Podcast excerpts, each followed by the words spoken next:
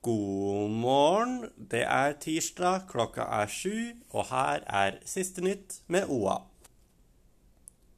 Over 20 personer ble evakuert pga. flom i Brumunddal i natt.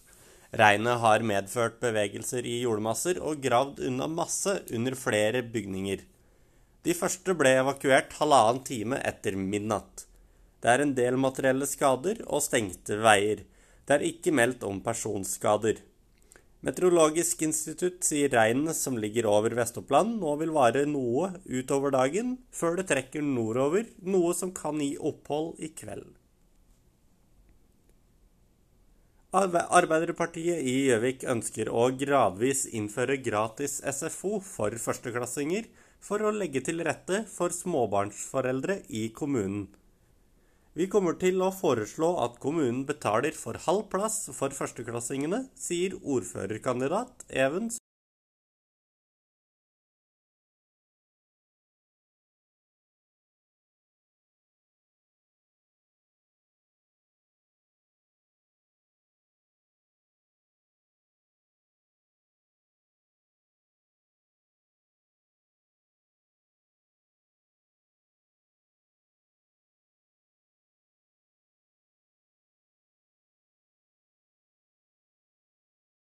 Nytt med OA.